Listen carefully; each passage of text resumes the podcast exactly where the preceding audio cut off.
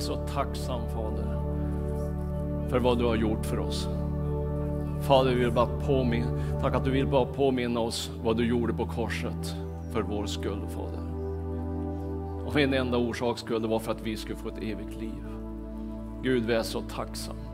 Vi är så tacksam. Vi bara säger bara tack Jesus. Vi älskar dig. Vi älskar dig över allting annat. Du är så dyrbar. Utan dig vore vi ingenting. Ingenting vore vi. Far, jag bara tackar för att få lägga den här bara stunden i dina händer. Ber att din heliga Andes närvaro ska vara med oss. Tack att du heliga Ande är med mig Jesus. Tack att du hjälper mig. I Jesu namn. Amen.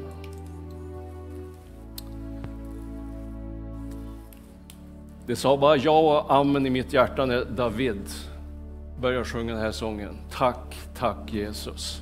Jag vet inte om du var här i helgen. Men var du inte här så kolla på, på nätet. Du gick miste om någonting. Jag är så tacksam för helgen som var. Gud är så god. Gud är så god.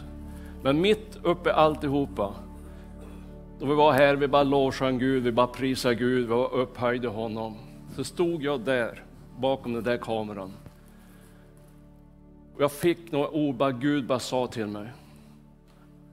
Han påminner mig om vad som står i Lukas 10 och 2. Skörden är stor. Men arbetarna är få. Jag tänkte på en bonde. Tänkte då han ser sina fält som håller på att mogna och han säger att skörden är stor. Men hur tror du han känner det i sitt hjärta? Och man måste konstatera, jag har ingen skördemän. Kan du tänka dig sorgen som man känner? Jag har ingen skördemän. Jag har ett plommonträd hemma och i år fick jag en jättestor skörd, ett rekordskörd. Det var så stor så jag fick ta spännbanden och spänna upp kvistarna för de höll på att gå av. Jag har aldrig fått så mycket plommon någon gång. Och jag sa till mina nära och kära, kom och plocka, ta en hink. Och så kom de, och så kom någon annan och sa, du måste ha större hink. Plocka det du vill. Men vet du, de kunde inte plocka upp allt. Och då gick jag på marken på hösten och trampade på den där plommonen som hade ruttnat. Och jag tänkte, undra hur min far tänker när han ser att det finns en skörd, men det finns inte skördearbetare. Det där har talat till mig så djupt. Men du ska få höra någonting roligt, du ska få höra någonting positivt som jag blev så glad i fredags. Då ringde vår dyrbare broder Henrik mig klockan tre, fyra och sa Hasse, jag behöver bönestöd. För Gud har lagt en person på mitt hjärta och jag ska ringa till han nu. Han måste bli frälst, sa Jag ska ringa han om 40 minuter. Jag sa absolut. Vi bad en kort bön och jag sa vi ska stå tillsammans. Det gick någon en och en halv timme, då ringde den igen. Då var det Henrik. Vet du vad han sa? Det är klart. Det är klart. Han är frälst. Han bad frälsningsbönen med mig. Jag hade Staxets bok där det står en frälsningsbön. Han bad, bad frälsningsbönen med mig. Det är klart. Jag blev så glad. Jag blev så uppmuntrad. Mitt i allt jag har gått och tänkt på det här, att det finns en skörd. Och eh, vi ska tala om den heliga Ande idag. Och det finns, då vi talar skörd, då tänker vi på själar. Va?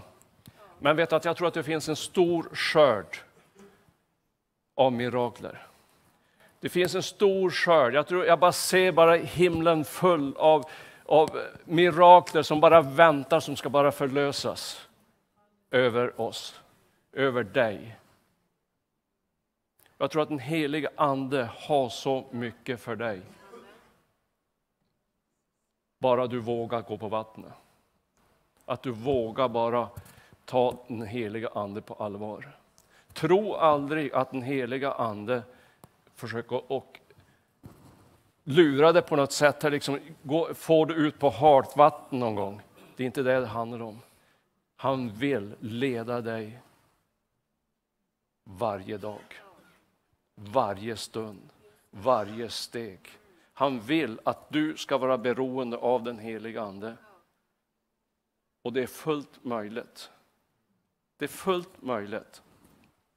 Vi ska tala om Andens gåvor. Andens gåvor det är ingenting för specialister. Andens gåvor är ingenting för att du ska liksom kan glänsa dig på något sätt, att så säger Herren. Andens gåvor är för dig och mig, vanliga människor. Det står att han är vår hjälpare och då betyder det att han ska hjälpa oss. Vad ska han hjälpa oss med? Att ta in skörden. Jag tror Andens gåvor, den helige Andes gåvor och helande är någonting jätteviktigt in i ett skördearbete. Jag tror det hör ihop. För vad, du vet vad Jesus, då Jesus gick här på jorden, vad gjorde han?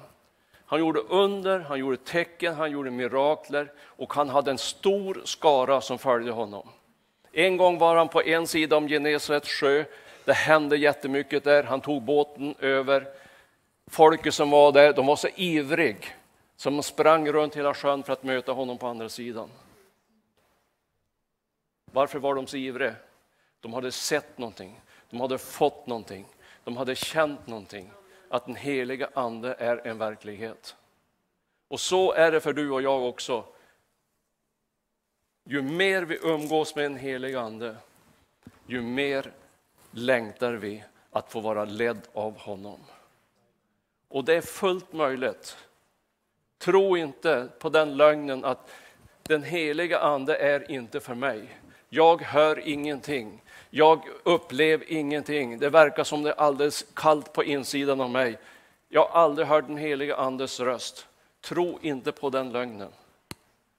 För verkligheten är att den heliga ande bor i dig. Det står i Romarbrevet, i Romarbrevet 8, 9 och till 11. Ska vi läsa ett ord ska vi se.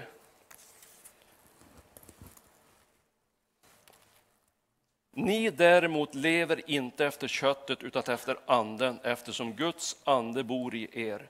Den som inte har Kristi ande tillhör inte honom. Men om Kristus bor i er är visserligen kroppen död för syndens skull, men anden är liv för rättfärdighetens skull.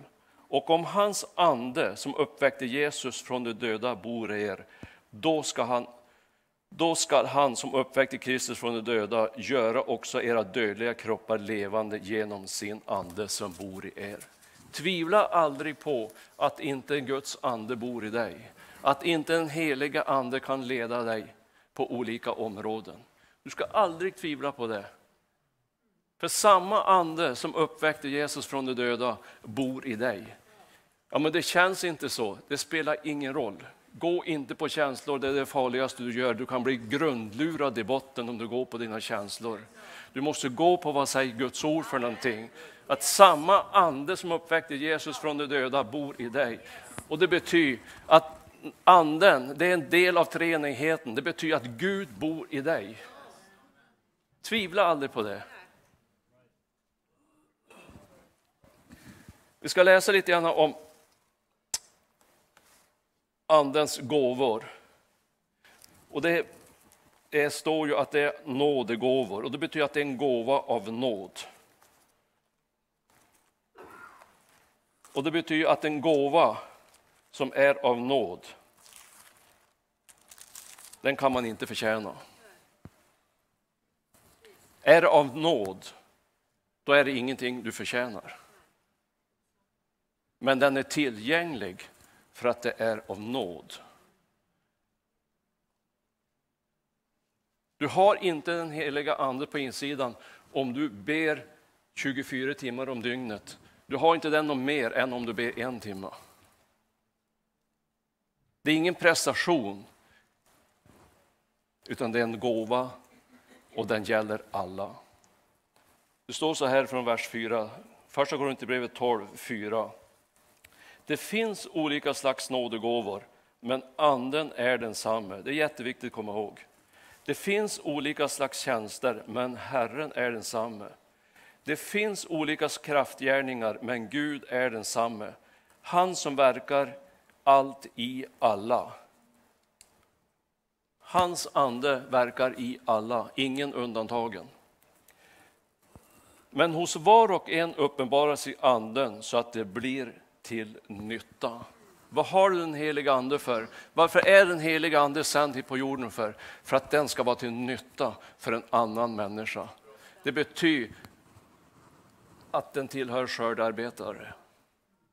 Den tillhör en skördarbetare. Den ene får av anden ord av vishet, den andra ord av kunskap genom samma ande. En får tro genom samma ande, en får gåvor att bota sjuka genom samma ande. En annan att utföra kraftgärningar. En får gåvan att profetera, en annan att skilja mellan andar. En får gåvan att tala olika slags tungomål, en annan att uttyda tungomål. Men allt detta verkar en och samma ande. I allt detta verkar samma enda ande. Det är helt fantastiskt. Och jag tror, och min bön och min längtan är att alla de här gåvorna som är uppräknade här ska fungera mitt i församlingen. Då tror jag att församlingen kommer att bli en ett stor skördetröska. För att då kommer du till din riktiga rätt. Då kommer du på plats det Gud har kallat dig till att göra. Kanske du säger så här. Jag tyckte det är så svårt att följa en helig ande. Jag tyckte det är så svårt att höra hans röst. Jag tycker det är så svårt att liksom bara förnimma vilken väg jag ska gå åt. Ska jag gå till höger eller ska jag gå till vänster? Vet du att jag har ett svar på det? Och vet du vad det är? Träning. Du kan lära dig att höra den heliga Andes röst. Du kan träna dig att höra den heliga Andes röst. Det är en process. Det kan ta tid. Men det är ingenting som är omöjligt. Vet du att en herde, när han kallar på sina får, så har han ett visst tonfall. Han har en viss röst. Jan, brorsan min som har haft fåra, han visslade på ett speciellt sätt när fåren skulle komma. Jag kunde inte göra det, de kom ju aldrig. Men de visste herdens röst. Det är på samma sätt med den helige Ande. Han talar till dig på samma sätt varje gång. Han ändrar sig liksom inte att nu pratar jag med dig på det här viset, nästa gång då pratar du på det här viset. Och så försöker han lura dig liksom att försöka snappa upp rösten nu, försöka snappa upp rösten nu. Han är inte sån. Du måste lära dig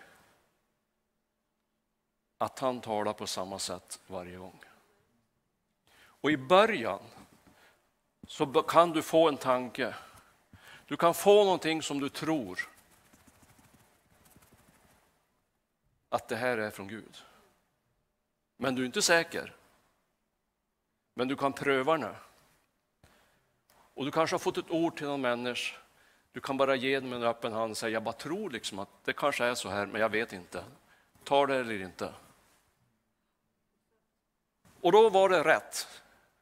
Och då vet du att det var så här han pratade. Nästa gång kan du vara 30 procent säker att det är rätt. För jag förnimde så samma sak på insidan. Hjärtat började slås visst. Jag bara kände bara liksom att och så vågar du ta ett steg till. Nästa gång du får någonting ifrån Gud och du känner någonting. Då kan du vara 50 procent säker. Och så där växer det hela tiden. Men en sak ska du vara säker på, helst ska du veta, du kan aldrig vara 100 procent. Men du kan vara 99. Och det är ju en väldig vinst om du har 99 procents rätt. Att följa den heliga Ande, det är det, det mest spännande liv du kan ha. Det kan ta dig på andra sidan jordklotet och du vet inte av det förrän du är där. Det som är svårast med den heliga Ande, för mig, skulle jag väl säga, det kan vara olika, det är tajmingen. Jag kan ha fått ett ord från Gud, men ska jag säga det nu? Jag ska säga det imorgon? Eller är det nästa vecka? Eller är det i framtiden? Timingen är det svåraste. Men där är också du kan lära dig mycket. Jag ska berätta en sak för dig. Det är inget skryt, du får inte ta det nu så, då säger ni inte. Utan det är bara Guds nåd alltihopa.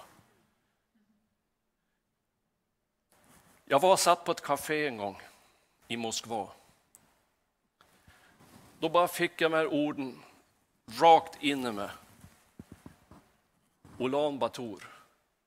Jag visste nästan inte vad Ulan Bator var då. Kom hem, kollade upp, slog upp på kartan Ulan Bator, det är huvudstaden i Mongoliet.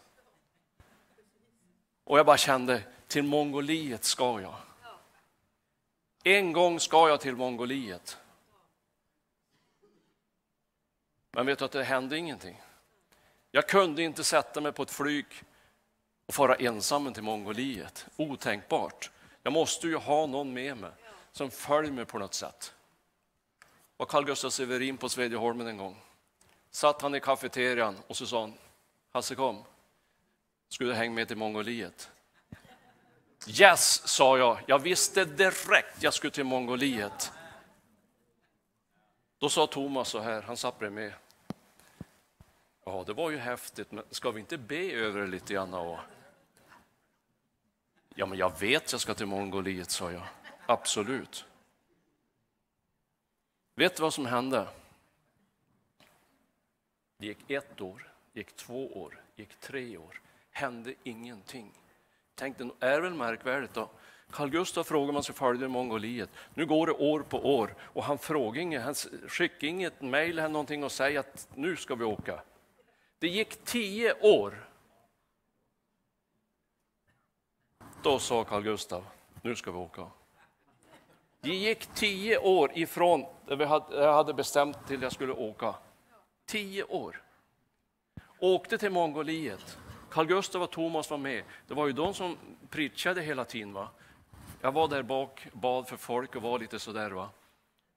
Sista mötet hade blivit 27 stycken frälst. Mötet var slut, lokalen höll på att tömmas. Och jag minns så väl, jag stod så här längst fram och så sa jag Gud, var det inget mer? Du sa jag skulle till Mongoliet. Det tog tio år och så stod jag så här och så var det inget mer. Lokalen var helt tom, det fanns inte en där. Carl Gustaf och Thomas och en annan pastor stod lite längre bort och jag bara stod för mig själv där. Då öppnas dörren. Då kom en kvinna in. Utifrån gatan, hon hade inte varit på möte. Hon bara gick med raska steg fram till mig och bara tårarna bara rann på henne. Hon var ungefär 20 år. Bara rann och bara rann. Och jag bara frågade, hur var det? Jag har lovat Gud, sa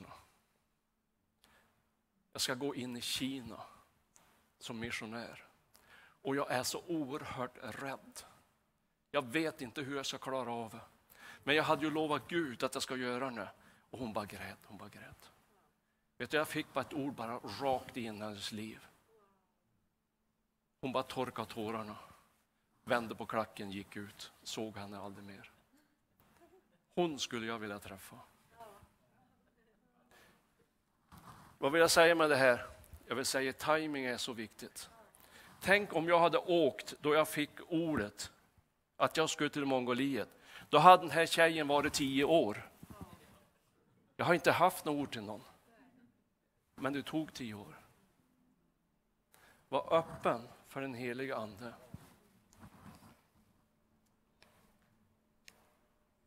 Jag skulle säga så här, var inte lik Mose. Du och jag, vi är nog ganska lika Mose. Står i Andra Mosebok. Andra Mosebok, vers 4. Kan du tänka dig att du och jag är så lika en Mose? Han levde för över 3000 år sedan. Och vi har inte ändrats någonting egentligen. När Gud säger någonting åt oss.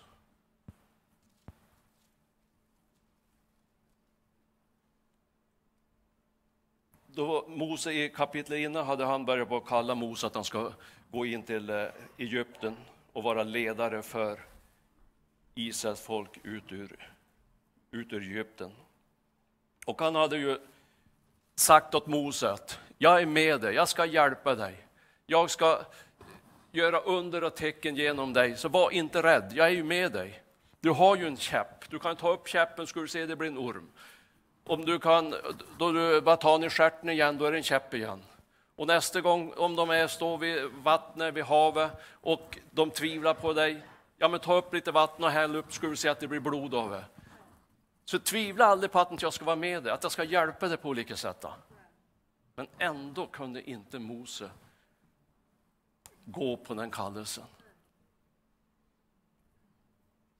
Vet du vad han säger i vers 10, fjärde, andra Mosebok 4 och 10? Då säger Moses så här till, till, till, till, till Gud. Då. Men Herre, jag är ingen talför man. Jag har inte varit det tidigare och jag är det inte heller nu sedan du och tala till din tjänare. Jag är trög att tala och har en trög tunga, säger han. Och Gud hade utvalt honom och Gud hade bara visat honom under och tecken. Ändå tvivlar han på att han skulle kunna leda ut Israels folk ur Egypten. Jag tänkte bara så där, du och jag är nog ganska lika Mose. Va? Hur många gånger har inte Gud talat till dig att du ska prata med någon annan människa? Att du ska bara uppmuntra någon, du kanske kan fråga om han är frälst, någonting. Och du har sagt, nej, inte jag. Jag är så trög i talet och jag, kan inte, jag finner inte orden och allting är omöjligt.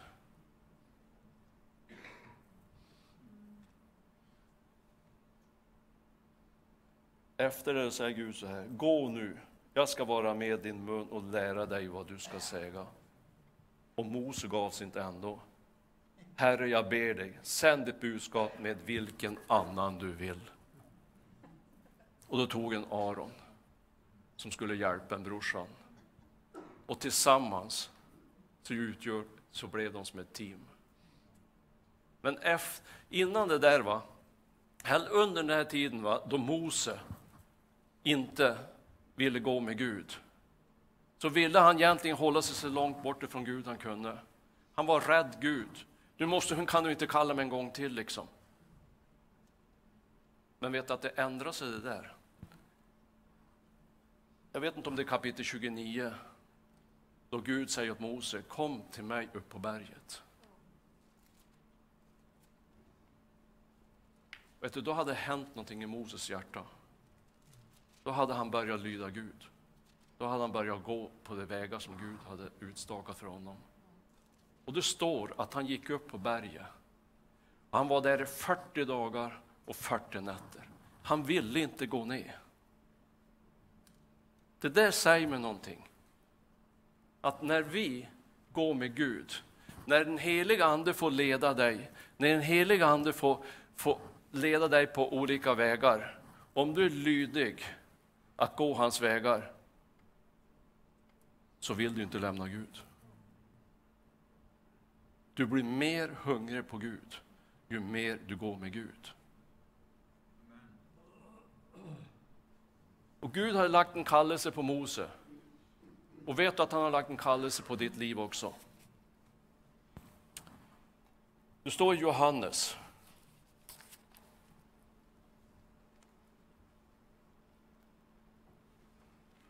Femton och sexton.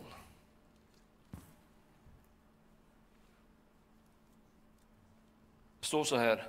Ni har inte utvalt mig, utan jag har utvalt er och bestämt om er att ni ska gå ut och bära frukt, sådan frukt som består. Gud har bestämt att du och jag ska bära frukt. Man kan tänka så här, varför övergav Gud inte Mose? Varför var han så envis? Vet du vad det var för? För han hade bestämt att Mose skulle leda Israels folk ut, ut ur Egypten. Det hade han bestämt och det blev så. Om du läser det här bibelordet, vad har Jesus bestämt? Vad säger han för någonting? Det är ju samma far vi har. Jag har bestämt om dig att du ska bära frukt och en frukt som är bestående. Då finns det liksom inga ursäkter egentligen. Sen Mose håller på hela tiden och tjafsar med Gud. Jag kan ingenting, jag duger ingenting till. Ja, men det är inte det Gud säger. Han säger, jag har bestämt en sak. Och det att Mose skulle leda Israels folk ut ur Egypten. Samma sak med du och jag. Jag har bestämt en sak. Du ska bära frukt. Och en frukt som är bestående. Och Gud har stora tankar om du och jag. Det står i Johannes 14.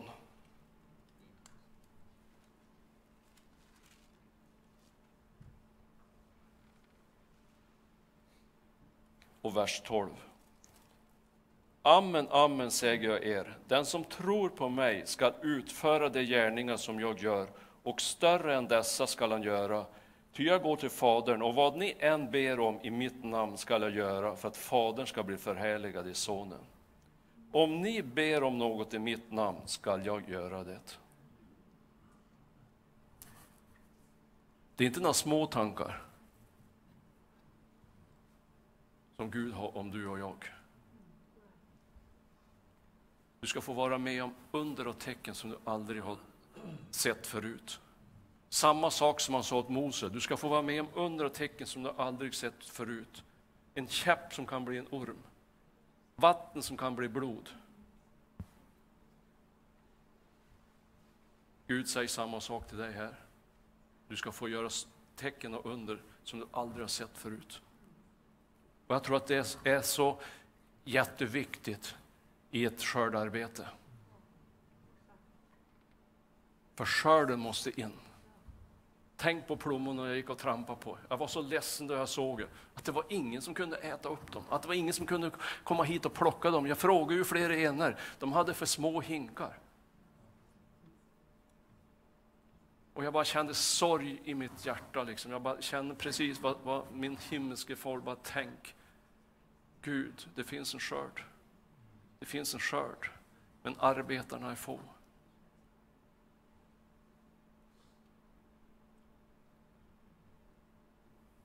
Vet du att Gud bara talade till mig då jag stod där. Vet du vad han sa? Det är dags. Jag kastar kavajen. Det är dags att lägga bort kavajen. Det är dags att börja kavla upp ärmarna. Det är dags att ta på sig arbetskläderna. Det är ett arbete som väntar oss. Det är ett arbete som väntar mig, det är ett arbete som väntar dig. Att gå med en helig ande, det är spännande. Men det är ingenting som liksom du bara glider fram på en räkmacka. Det är ett pris att betala. Men det är värt att... Det är värt alltihop.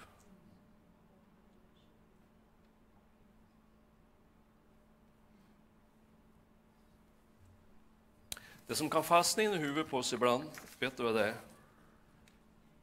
Det är att man tror att Gud gör saker och ting på ett vis och det görs på samma vis hela tiden. Man skapar sig liksom en liten mall. När jag ska be för någon sjuk, då ber jag på det här viset. För att då tror man att ja, men det är så här jag har gjort och det har, det har liksom, och det har gått bra och det liksom, blir man trygg i det där. Men vet du att jag tror att Gud vill att du och jag ska spränga gränser. Att vi ska gå utanför den komfortabla zonen som vi kan känna ibland. När vi ber för sjuka. När vi ber för människor som inte har upplevt tungotalen. När vi ber för människor som har inte andens dop. När vi, då, då tror jag Gud vill liksom bara spränga våra gränser och göra så mycket på annat vis än vad vi egentligen brukar göra. Liksom. För att om man tänker på under och tecken och mirakler som hände i Bibeln så är det inget under och tecken och mirakler egentligen som är på samma vis någon gång. Det är olika hela tiden. Och tänk på Paulus och Silas när de satt i fängelse. Det står i Apostlagärningarna 16, 25 och 26. När de satt i fängelse där längst in det står inte att de liksom prisar Gud i nya tungor, liksom att de liksom gjorde något. Nej, de bara prisar Gud så här. va. Och bara gett honom äran. Och det var bara för att du skulle få fokus på honom och inte på deras problem. Har de kollat på sina problem så har de brutit ihop för länge sedan. Men de börjar bara prisa Gud så här. Och då händer det någonting. Då sänder Gud någonting. Då kommer dån, då kommer änglar, och då skedde ett mirakel för dem. Nästa gång, det står i Petrus 12, 6 och 7. Det står en Petrus. Då hade Herodes högg huvudet av en Johannes dagen innan. Och så tog de en Petrus och satte dem in han i fängelse. Och Petrus, den helt otroliga mannen, vet du vad han gör? Han går och lägger sig och ligger mellan två fångvaktare. Han är kättrad till händer och fötter och gör ingenting. Han somnar. Och han sov så hårt så att det var en ängel var tvungen att stödja Sia. Vakna Petrus. Jag har ju skickat änglar runt omkring dig. Det kom ett mirakel. Stig upp. Han gjorde ingenting. Paulus och Silas de sjöng och de prisade Gud. Där kan man tala om vila i Gud. I Markus 2, 1-12, där står det om herr lame mannen. Som de hade på en bår och Jesus var inne i ett hus och predikade. Och de for upp på taket och de rev taket. Kan du tänka dig? De rev taket. Och tänk på Jesus, han som stod ner dem. Det rök damm och det var halmen och det var allt elände som kom på dem. Men de var frimodiga och bara gick den vägen. Vi måste bara. Det fanns ingenting som stoppade dem. Och de sänkte ner han och han blev helad. Du ser, Gud gör inte mirakler efter mönster. Och jag tror det där är, måste vi liksom ta vara på, du och jag. Det finns ingenting som är rätt och fel. Det är bara frågan, lyder du en helig ande? Lyder du en helig ande, då kan det vara hur tokigt som helst. Då kan det bli så att du måste bära någon upp på här yttertaket och be för han blir frisk där. Eller du kan, nästa gång ska du ner i källaren med honom. Och vet du vad jag tror att det där beror på? Det beror på att Gud vill att vi ska vara beroende av den heliga ande. Vi ska inte ta någonting för givet. Att göra det på mitt sätt då kommer det bli ett fantastiskt mirakel. Det finns inte så, det existerar inte så för Gud. Han är öppen för allt, bara du är ledd av den heliga Ande.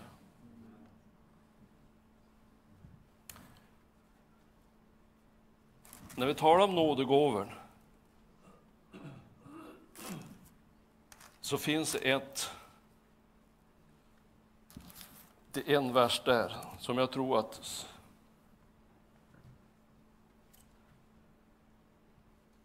som jag tror är jätteviktigt in i ett skördearbete. Och det är vers 9. En får tro genom samma ande. Sen står det en får gåvor att bota sjuka genom samma ande. Trons ande, det är en Guds gåva. Det är en nådegåva, står det. Det är ingenting du kan ta det. Det är ingenting du kan ta för givet. Du kan säga, någon annan har stor tro, och någon annan har liten tro, och någon annan har mycket större tro än vad jag har. Det är en gåva ifrån Gud. Den kan du be dig om, att jag vill ha en trons gåva. Och när det gäller mirakler och under och tecken, så tror jag det är ungefär samma sak där. Du kan lära dig lite grann. Precis som du följer den heliga Andes röst. Jag hade en otrolig mamma. Hon har lärt mig mycket sedan barnsben. Hon hade en ande av tro.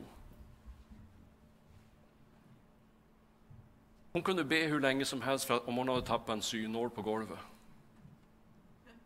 I en liten nål kunde hon vara koncentrerad på Jesus, hjälp mig, let åt den. Hon kunde bara stå och proklamera att hon skulle hitta nålen. Och hon gjorde det. Hon var så där hela tiden liksom på allt. Och det där har lärt mig någonting. Att tro kan förflytta berg. Tro kan förflytta berg. Tro kan förändra situationer. En ande av tro, det är någonting väldigt dyrbart i ett skördearbete. En ande av tro, han ser inte bara det som är omöjligt. Den ser inte bara arbete, den ser möjligheter. Den ser lite grann längre. Och jag tror att Gud vill vi ska lyfta blicken och se lite längre. Inte bara det vi ser just nu runt omkring oss. Jag tror att vi ska ha, be Gud om en trons ande över oss var och en. En trons ande som säger att det är fullt möjligt att en människa kan bli frälst varje vecka. Det är fullt möjligt att 52 människor kan bli frälst på ett år. Frågan Henrik bara, prata med han efter mötet ska få höra. Man blir inte direkt ledsen då det är någon som har tagit emot Jesus. Han kommer här sken som en sol och bara strålar. Jag fattar inte än sån. Helt fantastiskt. Tänk om trons ande ska bara komma över oss var och en som är här idag. Vi är ett antal här som säger bara att nästa år ska jag be till Gud till frälsning för någon. Att det får börja födas någonting på insidan av oss. Om du är ung eller gammal spelar ingen roll. Du är en dyrbar skördearbetare. Skörden är stor, men arbetarna är få.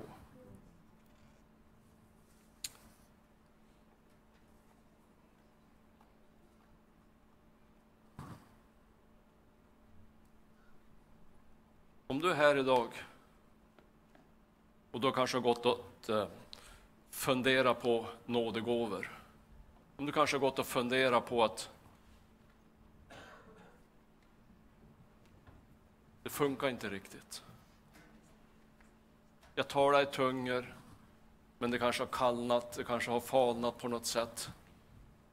Då ska vi be tillsammans. Vi ska stå tillsammans. Maria ska komma upp och hon ska avsluta mötet. Men vi ska bara, efter det så ska vi bara fortsätta att vara inför Gud. Vi ska ha lovsång, vi ska be för varandra. Och jag bara kände på, i mitt, en iver efter att du är här och tungotalet har falnat på något sätt. Du har när det inte är tal om det, men du använder det inte riktigt som du skulle behöva göra. För det finns en styrka i när du inte har ord, när du inte har, du vet egentligen vad du ska be om, men får bara tala i tungor, får vara bara inför tronen. Det är så mycket som förändras då. Det är som atmosfären förändras. Är du här och du är sjuk till kroppen? Ja, men de har bett så många gånger för det. Vi ska be en gång till. Är du här och du har tappat frimodigheten på något sätt? Ska vi be för det? Än vad det är. Men jag bara känner att det är viktigt med Andens gåvor, att det kommer funktion. Om du längtar efter någon gåva som du, som, som du längtar efter, ska vi stå tillsammans och, och be Gud om det. För vet du vad jag tror? Det är så sant som Thomas brukar säga, det kan inte sluta på detta vis. Det måste bli väckelse. Det måste bli förändring. Och jag tror att det är det viktigaste, att det börjar med du och jag. Det börjar med mig. Att jag är ledd av den heliga Ande. Att jag får känna Guds smörjelse över mitt liv. Då tror jag vi har så mycket spännande framför oss. Ingen är för mer än någon annan.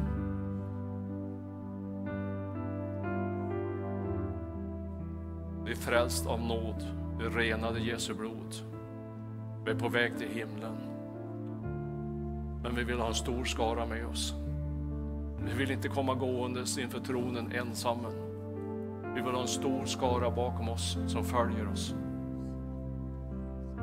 Vi vill ha lärjungar.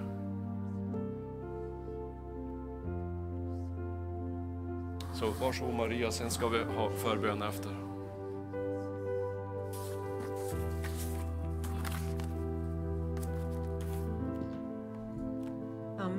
Tack så mycket Hasse. Fantastiskt. Amen.